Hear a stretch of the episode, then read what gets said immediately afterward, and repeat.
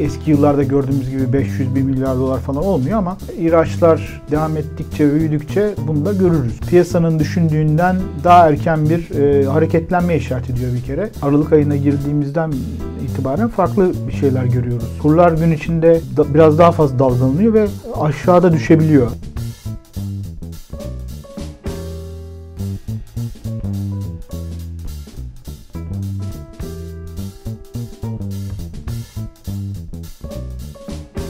Öykü Bey merhaba, hoş geldiniz. Hoş bulduk. abi. Nasılsınız? Teşekkür ederim siz. Ben de iyiyim, çok teşekkür ederim. Bir haftanın ardından yeniden birlikteyiz. E, Bu hafta iki konu başlığı seçtik kendimize. E, Birisi yabancı girişi, döviz kurları ve rezerv üçgeninde neler yaşanıyor ona bakacağız. E, Son tabloyu size soracağım. İkincisi de yıl sonu ma- malum ücret zamları, asgari ücret zamları çok konuşuluyor. Bunun enflasyon etkisi de konuşuluyor. Enflasyonla sıkı bir mücadele yapıyor Türkiye. Yüksek 70'lerde varan enflasyon var. Türkiye'nin açıkladığı. Aşağı çekmeye çalışıyor. Bu ücret zamları nasıl etkiliyor onu konuşacağız. İstiyorsanız döviz piyasası, yabancı girişe başlayalım. Tabii. Ee, yine bugün bu yayına girmeden önce de baktım. Yine yurt dışından çeşitli raporlar geliyor. İşte Türkiye lirasının performansı ile ilgili. Bundan önceki dönemki seçimden önceki serinin tam tersi bir durum yaşıyoruz. Önceki yabancı girişe başlayalım. Ee, Her programda hemen soruyorum size. Son veriler hafif yabancı girişin devam ettiğini gösteriyor. Evet aslında BDDK verilerinden baktığımda geçen haftada e, 250 milyon doların üzerine bir tahvil alımı gördüm. Ben hisse senedi için bir şey diyemeyeceğim ama tahvilde bir giriş olduğunu görüyoruz. Zaten aslında hep bunları konuşmuştuk. Hatırlarsanız ben de şöyle diyordum. Epeydir konuşuyoruz her yani her yayında olmasa bile çok değindik. Bir tahvil getiri eğrisinin oluşması çok önemli yani ekonomi açısından. Bunun doğru bir eğimle oluşması önemli diyorduk. İki şunu söylüyordum. Bakmayın yabancı yatırımcı raporlarında işte uzun vadeli tahvil faizi 45'e çıkarsa gireriz falan gibi şeylere. Bunu çok beklerler diyordum hatırlarsanız. Çok bekler böyle bir şey olmaz. Bu kadar yükselmez. Şu anda geldiği seviyeler ki o zaman 10 yıllık ihalesinde bir önceki Kasım ihalesinde 32'ye dayanmıştı. Buralar iyi seviyeler olacaktır. Bunu çok bekleyip seçim sonrasını bırakırsanız bunları kaçırırsınız gibi değerlendirmelerim olmuştu. Nitekim analiz tavsiyelerinin bu yönde daha ihtiyatlı olmasına rağmen bence daha risk alabilenler, daha cesur olanlar diyelim e, giriş yapıyor gibi duruyor. Bunun boyutu tabii aslında büyük potansiyel içeriyor ama son haftalara baktığımızda zaten bir giriş, giriş eğilimi var. Ufak ufak e, bir şeyler başlamış durumda. Hani böyle belki eski yıllarda gördüğümüz gibi 500 bin milyar dolar falan olmuyor ama ihraçlar devam ettikçe büyüdükçe bunu da görürüz diye düşünüyorum. O yüzden bana sürpriz gelmiyor ve şu anda o 32 dediğimiz 10 yıllık faiz şu anda 25 düzeyine kadar gerilemiş durumda. Bu sadece yurt içindeki kurumların alımlarıyla olmaz. Onu söyleyeyim. Artı 2 yıl vadede de 42'leri falan konuşurken şu anda 38'lere kadar gelmiş durumdayız. Yani hem politika faizinin altına inmiş durumda. Yani demek ki bir şey var. Bunu bunu görüyoruz. Bunun dışındaki kanallarla da yabancı giriş oluyor olabilir. Ama bu hani ne var derseniz işte carry trade dediğimiz ya da swaplarla takip edebildiğimiz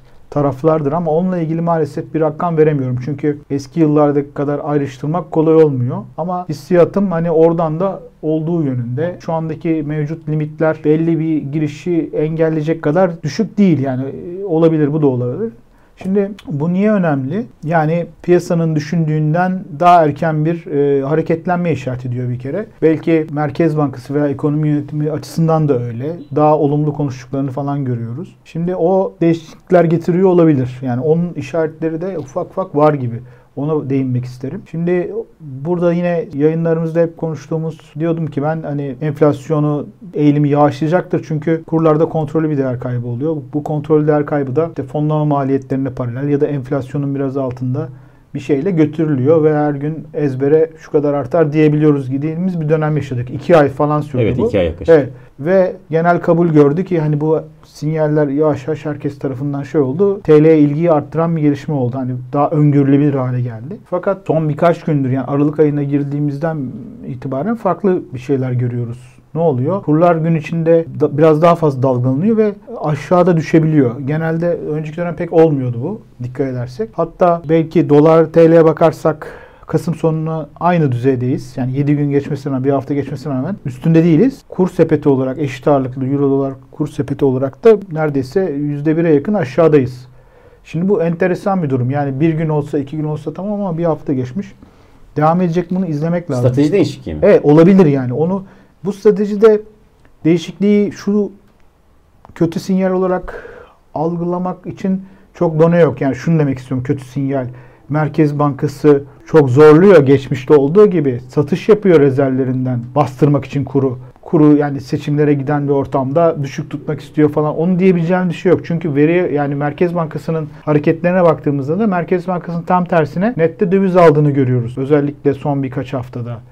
1 e, Aralık haftasında da aldığını gördük. O yüzden sanki bu değişime yani yabancı girişini sağlıklı bulduğuna ve bunun e, ve alımlarını yapmasına rağmen kuru yükseltmekte zorlandığına işaret ediyor. Yani doğal bir şey gelişiyor gibi, doğal bir değerlenme oluyor gibi. Bu şimdi e, bir önceki şeye göre daha da iyi bir senaryo. Yani şey açısından daha da iyi. Enflasyon. TL varlıklar evet. açısından, enflasyon açısından zaten daha iyi. Piyasa dinamikleri de TL varlıklara tercih açısından da daha olumlu senaryo yabancı içinde, yurt dışı şey içinde. Ama dediğim gibi çok erken belki konuşmak için. Yani değişebilir. Bu strateji midir? Bir, bir haftaya da söyleyemeyiz ama izlemek lazım ama böyle bir sinyaller ayak seslerini duyuyoruz. Bunu söyleyeyim. Buradan da şunu ekleyeyim. Tabii böyle bir görüntü Merkez Bankası'ndaki rezervlerin de daha hızlı toparlanmasına izin veriyor. 140 milyar doları aşmasını bekliyorum toplam rezervlerin. Bu bir tarihi zirve olacak. Geçen hafta tarihi zirve aynen. Net rezervlerde de artış olacak daha sınırlı olsa da. Yani o anlamda da şimdiye kadar rezervlerdeki iyileşme e, ters dolarizasyondan veya yabancı girişinden kaynaklanmıyordu. O yüzden çok böyle brüt rezervi konuşuyorduk ama net rezerv çok bir şey yok diyorduk. Şimdi biraz daha hızlanmış durumda oradaki iyileşme. E, bunu hem şey açısından da olumlu olacaktır eğer bu, bu devam ederse, bu eğilim e, sürdürülürse. Hem CDS olsun veya e, rating kuruluşlarının Türkiye'ye bakış açısından destekleyici olacaktır. Pozitife doğru gidişi hızlandıracaktır diye düşünüyorum. Peki KKM'yi nasıl etkiler? KKM gördüğüm kadarıyla yeni verilerde de yaklaşık 24 milyar kadar düşmüş. %1 kadar. Geçen hafta yakın. Gerilemiş. Yani biraz hız kesmiş gibi duruyor. Bunu hep söylüyorduk. Ee, TL tarafı daha hızlı eridiği için bir süre sonra döviz tarafından düşme hız kesecektir diye öyle gibi gözüküyor. KKM ile ilgili döviz tarafını da hızlandıracak bir karar alındı son. Hani biliyorsunuz politika faizinin %85 altına kadar faiz indirilebilecek gibi bir şey yapıldı. Bu çok etkilemez bu dediğim ama e, kur, kur seyrinin insan bunu kuruyabilir, böyle bir değerlenme, yabancı giriş oluyor falan olursa biraz ters dolarizasyon anlamında yardımcı olabilir. Ama çok da kolay değil çünkü çok son kaç yılın belki 5 yılın hani e, travmaları var, hafızası var. Çok kolay olmaz. Evet. E, şimdi bak bu konuyu kapatırken şu, şunu netleştirmek için soruyorum. Şimdi eskiden tabii dediğiniz gibi daha çok kısa bir süre ama döviz böyle yatay seyrettiğinde bir enerji biriktirmesinden endişe ediyor ki endişe ediyor öyleydi. Yani enerji birikiyordu sonra patlıyordu. Ama siz diyorsunuz ki bu sefer bu devam etse bile aynı durum geçerli değil gibi. Evet. Bu sefer enerji birikmiyor. İşin doğası gereği zaten böyle. Aynen. Yani çünkü döviz arzı ciddi bir şekilde evet şey oluyor. Ha buna çaresiz mi Merkez Bankası? Çaresiz değil. Bu yani bu daha e, büyük bir politika seti. E, şimdi bu bu ay sonunda e, Merkez Bankası para ve kur politikası raporunu açıklayacak. Eğer bundan çok eminse bu, bu tip girişlerden ve süreceğini düşünüyorsa şöyle yapabilir. İlla burada değerlenmeye, çok aşırı değerlenmeye izin vermek zorunda değil.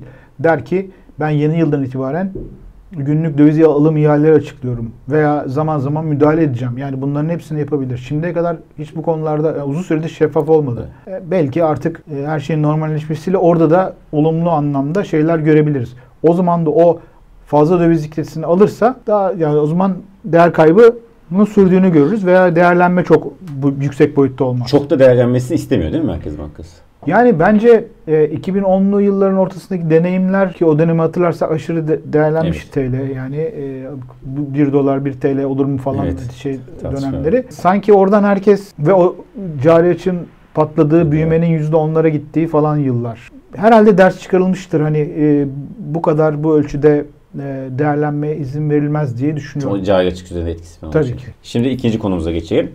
E, asgari ücret yani şu anda kamuoyundaki haberlere bakarsak %40 en çok konuşulan e, durum. %40 artış. Müsiyat da %40 demiş. E, yani söylediği şey %40'a çıkıyor. 40-45 o civarda olması bekleniyor. Yani bir ara %55-60 deniyordu. E, öyle bir şey olması beklenmiyor. Çünkü enflasyon üzerinde etkisi var Hı. tabii ki bunun. Ve geçen seneden farklı olarak da bu sefer daha bugün de bakan açıklamış bir defa yapacağız. Hı. Zaten normal bu demiş. Önce onu sorayım. Çalışma Bakanı. Evet Çalışma Bakanı. Hı. Önce şunu sorayım. Bu işin tabii ki zaten bizde son bir iki sene, bir iki sene mi uygulandı? Onun dışında bayağı Aynen. da hep bir sene bir defa Tabii. yapıldı. Üç, çok, enflasyon çok hızlı artınca seçim dönemi de olunca Evet. ikiye çıkarttı Bu işin doğrusu bir sefer miydi? Ve Doğrusu- doğrusu var mıydı? Vallahi tabii ülkeden ülke değişir, enflasyona göre değişir. E, doğrusu yoktur ama e, enflasyon çok yüksek olan yerlerde bırakın iki, belki yılda dört kere arttırmak da gere- gerekir. Bazı özel şirketler öyle yapıyor. Tabii, Üç zaten-. E, son yıllarda öyle de olduğunu çok duyduk yani öyle özellikle e, özel tarafta. Ama hani şunu söylüyorduk. Bir e, dezenflasyon programı ilan ettiyseniz onun en önemli bileşeninden biri ücretler politikasıdır. Ücretler politikasına ona uyumlu olması lazım. Ha bu doğru mudur tarafı ayrı veya geçmiş kayıplar ne olacak tarafları tabii ki bunlar siyaseten tartışılmalıdır veya siyaseten problemli olabilir. On taraflarını konuşmuyoruz. Ekonomik taraftan Tabii. baktığımda saf olarak safça yani böyle olması gerekir. Onunla uyumlu olması gerekir. Nasıl her türlü şeyimizi gelecek 12 ayın enflasyonu veya bir yıl sonraki enflasyona şey yapıyoruz. Bunun da öyle olması lazım. Okey. Ama son 6 aylık enflasyon muhtemelen Aralık'taki gelecek enflasyonla beraber 37-38 civarında olacak. E şimdi bütün yıl için 40 düşünüyorsanız ancak kayıpları telafi etmiş gibi oluyorsunuz aslında. Ha başka hesaplar da ortaya koyacaklardır. Yok aslında biz daha önce daha fazla arttırdık Evet. falan denecektir ama o zaman hani daha önce arttırdığına mahsup ediyorsan o zaman daha önce arttırdığını arttırmamış gibi oluyorsun. Yani bir kay yani sonuçta her türlü kayıp. O anlamda sıkıntılı. Bir de asgari ücret şöyle önemi var. Hani yapılan çalışmalar hani tarım dışı sektörlerde asgari ücret ve altında e, ücretlilerin oranını %43 gösteriyor.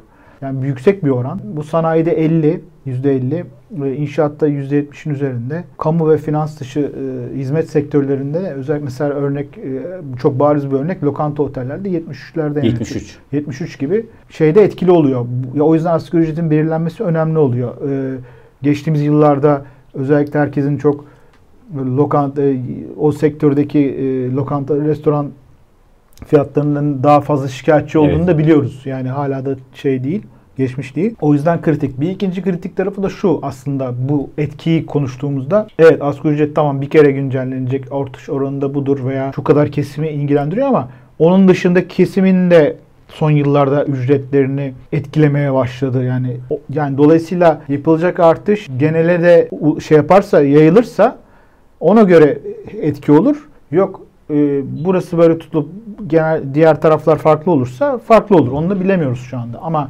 yani şunu demeye çalışıyorum. Devlet bir kere diyor diye diğer sektörlerde bir kere mi yapacak yoksa daha mı yüksek tutacaklar falan ona göre de fark eder. Ya da daha mı düşük Tabii bu yapacaklar. biraz yıl Evet. içinde enflasyonun da ne olacağına bağlı değil Tabii. mi? Ama şöyle yine bağlayalım konuyu. Hani şimdi oran konusunda 40'ın altında kalacağını zannetmiyorum ben de. Ve 50'ye kadar falan da yolu var gibi duruyor. Tabii ama çok net bir sinyal olmadığı için bir şey diyemem. Ee, Böyle bir şey durumunda bir kere ve e, 50 ve üz- şey olursa 50 civarı diyelim. Ee, Enflasyon etkisini daha ilk yarıda biraz daha fazla görürüz ama sonrasını daha hızlı düşüşe izin verir. Ee, yani buradaki çalışmalar eğer asgari ücretteki oran hani genel diğer sektörlerdeki ücretlere de yansırsa ki zaten önemli kısmını oluşturuyor da onun dışındaki şey de olursa her %10'luk artışın hani 1-1.2 puan e, enflasyon etkisi olduğunu gösteriyor. Yani 4-5 puanlık şeylerden bahsediyoruz. Bu bence zaten çok önemli bir kısmı Merkez Bankası'nın senaryosunda veya her kim, hepimizin senaryolarında, ekonomistlerin senaryolarında vardır belli ölçüde. Çok büyük sürpriz değil. Hatta belki iki kere yapılacağını baştan düşünüyorduk. Yani ne bileyim bundan bir iki ay önce. O yüzden çok sürpriz olmaz. Çok hani şeyi dağıtmaz. Ee, ama e, süreci izleyelim tabii bakalım e, nasıl gel- gelişecek. E, yoksa çünkü dediğim gibi zaten gerçekleşen enflasyon 38 iken e, bayağı bir kayba işaret eder tabii refah anlamında. Ekonomi yavaşlıyor. İşte TG değerleniyor. Belki bunun ihracatçı üzerinde bir negatif etkisi de olabilir. İşte ücret zamları da ortada. İşsizlik boyutunda ne göreceğiz 2024'te? Orada ciddi bir artış bekliyor musunuz? Ya işsizlik verisi bayağı son yılların en düşük. Düşüyor, evet, şu an çok şey, e, çok düşük. Tek hanede zaten. Tek hane. E, uzun süredir görmediğimiz en düşük. Ama hani veriyle ilgili analiz etmekte zorlanıyoruz. Yani çünkü daha geniş tanımlı işsizlik oranlarına falan baktığımızda işte iş gücüne katılmayanları falan dikkate alan daha şey gözüküyor. Etkileyecek midir? Şu aşamada evet ekonomi aktivite yavaşlıyor diyoruz ama öyle gelecek sene bizi yüzde birlere falan veya daralmaya götüren bir hız henüz onun işaretlerini görmüyorum ben. O yüzden şu aşamada böyle 3 3,5'lara falan doğru gidiyoruz gibi geliyor. O da çok bozmaz yani çok arttırmaz. Biraz arttırır ama Trajik Çok- bir yüksek olma. çok trajik olmaz. Şu aşamada öyle diyebilirim. Çok teşekkür ederiz. Çok sağ olun Haluk Bey. Rica ederim. Ee, bu haftanın da yayının sonuna geldik. Haftaya kadar kendinize çok iyi bakın.